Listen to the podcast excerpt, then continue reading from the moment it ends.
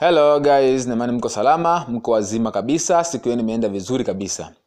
Aa, katika siku ya leo kama mtaniruhusu aa, nilikuwa napenda kuitambulisha topiki mpya kabisa au mada mpya kabisa. E, inayoitwa salesmanship in print kwa kizungu au tunasema copywriting maana yake ni kwamba mbinu za kuuza katika maandishi au mbinu za kuuza katika maneno. Na ndio ujuzi ambao kila mwanadamu wa sasa angehitaji ili aweze kufanikiwa katika kutangaza bidhaa ama huduma yake.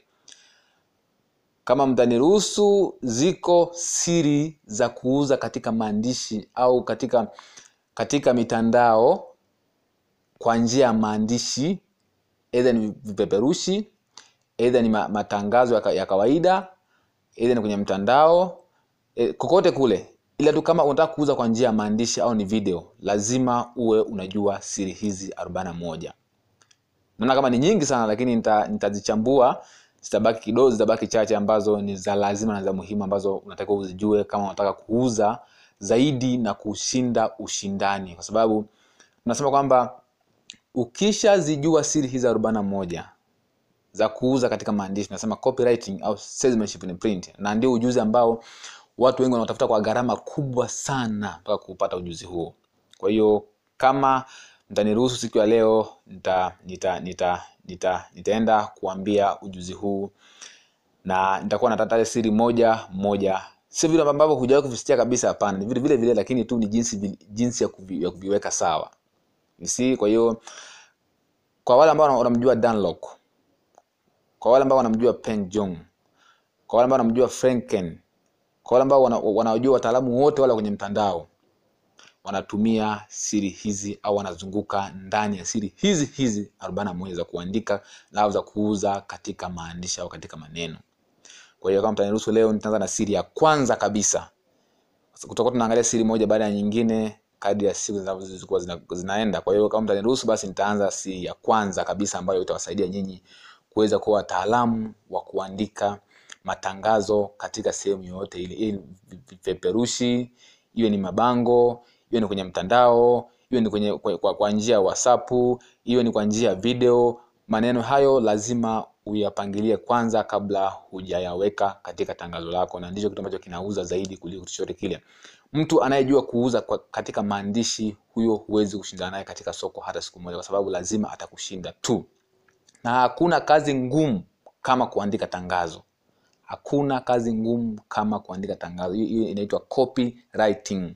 Salesmanship in print. Jinsi ya kuuza katika maandishi. Hiyo ndio ina- inaitwa copywriting. Ndio ujuzi wenye gharama kuliko ujuzi wa duniani. Kwa hiyo uh, leo nitaanza na kitu cha kwanza kabisa ambacho uh, unatakiwa usikiliza kwa makini zaidi ili ukijue na ujue jinsi kitakavyotumika. Kwa hiyo nitaanza na siri ya kwanza. Katika siri ya arobaini na moja nitaanza na siri ya kwanza. Japo sitataja zote arobaini na moja nitataja baadhi tu ambazo ni za muhimu ambazo nitakuwa uzijue kwa hiyo na vilevile nitakwambia kitabu ambacho utakuwa ukisome ili uweze kupata siri hizo. Kwa hiyo kama utakuwa interested basi utazipata. Okay? Uh, kitu cha kwanza kabisa au siri ya kwanza kabisa inaitwa the psychology of simplicity. Nitakwambia maana yake nini? The psychology of simplicity. Nitakwambia kiswahili chake ni nini? Maana yake ni ni ni, ni ni saikolojia ya kurahisisha kile unachokiandika saikolojia ya kurahisisha kile unachokiandika. Tunasema rahisisha maandishi yako. Rahisisha maandishi ambayo umeyaweka katika tangazo. Aidha ni kwa njia ya kuongea ama, ama ni video ume- ume- umerekodi ama ni audio au ni maandishi hiyo yote bado ipo kwenye kwenye kwenye professional hii ya copywriting. Kwa hiyo siri ya kwanza inaitwa rahisisha kile unachokiandika kwa kiwango kwamba hata mtoto wa miaka tisa akisikia ama akisoma aweze kuelewa nini kinaongelewa hapa. Hapa ili neno ni, ni, ni dogo lakini ni, lina maana kubwa sana kwenye matangazo. Watu wengi sana wamekuwa wakiandika matangazo mazuri sana lakini wanakosea kitu kimoja tu. Wanaandika maneno ambayo mteja akisoma anakuwa na maswali mawili. Ukiona tangazo lako mteja hawezi kulielewa which means kwamba hiyo bidhaa umejiuzia mwenyewe na matangazo mengi sana yamekuwa yakijiuzia bidhaa yenyewe kwa sababu yanaandika lugha ambazo yanazifahamu yao yenyewe tu. Kwa mfano wewe kama ni dokta then una, una, unaandaa tangazo la kutibu tatizo la, tatizo la, la wateja wako. Ukiandika lugha lugha ya kidokta kwenye tangazo hata kama ni zuri kiasi gani na kuhakikishia huwezi pata wateja. Kwa sababu gani? Kwa sababu hawataelewa unaongelea kitu gani. Kwa hiyo andika tangazo ambalo maneno yake mtoto wa miaka tisa akisoma anaelewa kinachoongelewa ndio principle ya kwanza wanasema mtoto wa miaka tisa aelewe jinsi unavyo aelewe tangazo lako lina maana gani na maanisha yako yanamaanisha nini. Hiyo ndio siri ya kwanza kwa sababu tangazo lako litawalenga watu wa elimu mbalimbali. Hiyo ndio siri ya kwanza inaitwa psychology of simplicity. Kwa hiyo jitahidi sana sana kurahisisha maneno kadri utakavyoweza ili mteja akisoma ajue maana yake ni nini. Ajue tangazo linasema kitu gani nje ya hapo utakuwa umejiuzia bidhaa mwenyewe. Na watu wengi sana wamekuwa wakijiuzia bidhaa wenyewe kwa sababu matangazo yao yanakuwa yameandikwa in a professional way. Yaani wanaandika katika lugha ambazo wao ndio wanazielewa. Kwa mfano mimi nikiandika tangazo langu ambalo ma- maneno mengi ya kimauzo kule ndani siwezi pata wateja kwa sababu kwa sababu wateja wengi hawayajui maneno ya kimauzo. Lakini nikiandika maneno ambayo hata mtoto mdogo ana miaka tisa akisoma anaelewa anamaanisha nini basi tangazo hilo litafanya vizuri zaidi. Kwa hiyo unaweza ukashangaa mtu ameandika ameandika mistari mitatu tu minne tu. Anapata watu wengi sana kwenye bidhaa yake. Mwingine ameandika ukurasa mzima lakini hakuna watu. Kwa sababu gani? Kwa sababu jinsi alivyo simplify yale maandishi. Yale maandishi mtu akisoma vup anapata maana haraka haraka. Kuna msemo unasema kwamba the more you ask people to think the more likely you will lose them. Yani kadri unavyowauliza watu kadri unavyofanya watu kufikiri juu ya kile ulichokiandika ndivyo unavyozidi kuwakosa kwa sababu gani? Kwa sababu watu hawapendi kufikirishwa. Watu hawapendi kufikiri. Ukiandika mstari mmoja unaofikirisha mteja atakuwa itakuwa ni ngumu sana kusoma mstari wa pili ulioandika kwa sababu gani? kwa sababu tayari mstari wa kwanza umeshampa kizuizi au kipingamizi. Kwa sababu imempa kazi ya kufikiri tena. Watu hawapendi kufikiri. Hakuna kazi ngumu ya kufikiri. Watu hawapendi kufikiri. Hivyo ndo maana kama mnasomaga uh, uh, makala za, za, za, za Danlock kwenye akaunti yake ya, ya instagram. Danlock utagundua kwamba anaandika mstari mmoja mmoja na kila mstari umejitegemea. Hiyo ni copywriting skill inaitwa. Ili mtu ukisoma mstari wa kwanza unataka kusoma wa pili wa pili yani mstari wa kwanza una- unakualika usome mstari wa pili. Hiyo ndio ndio maana halisi inavyoongelea hapa simplicity. Kwa hiyo hizi siri danlock anazitumia kwa asilimia mia na ndio maana sasa hivi analiteka soko.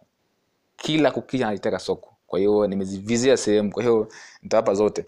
Okay? Kwa hiyo mbinu ya kwanza inaitwa simplicity. Psychology of simplicity. Hakikisha unarahisisha maneno kwa kiasi kwamba mtoto wa miaka tisa anaweza kusoma na akaelewa maana yake ni nini. Haijalishi upo katika professional gani. Haijalishi upo katika keria gani au unauza kitu gani. Hakikisha maneno yako ni rahisi sana. Hajakaa kiprofessional hajakaa kitaalamu amba, amba, amba, ambapo mtu yeyote anaweza akaelewa nini kinachoongelewa ukiandika tangazo lenye maneno ya kiprofessional au maneno ya kitaalamu ambayo wewe unaelewa mwenyewe hilo tangazo utakuwa unajiuzia au umejiandikia mwenyewe kwa sababu wateja hawataelewa unamaanisha nini. Ndio maana yangu hapa.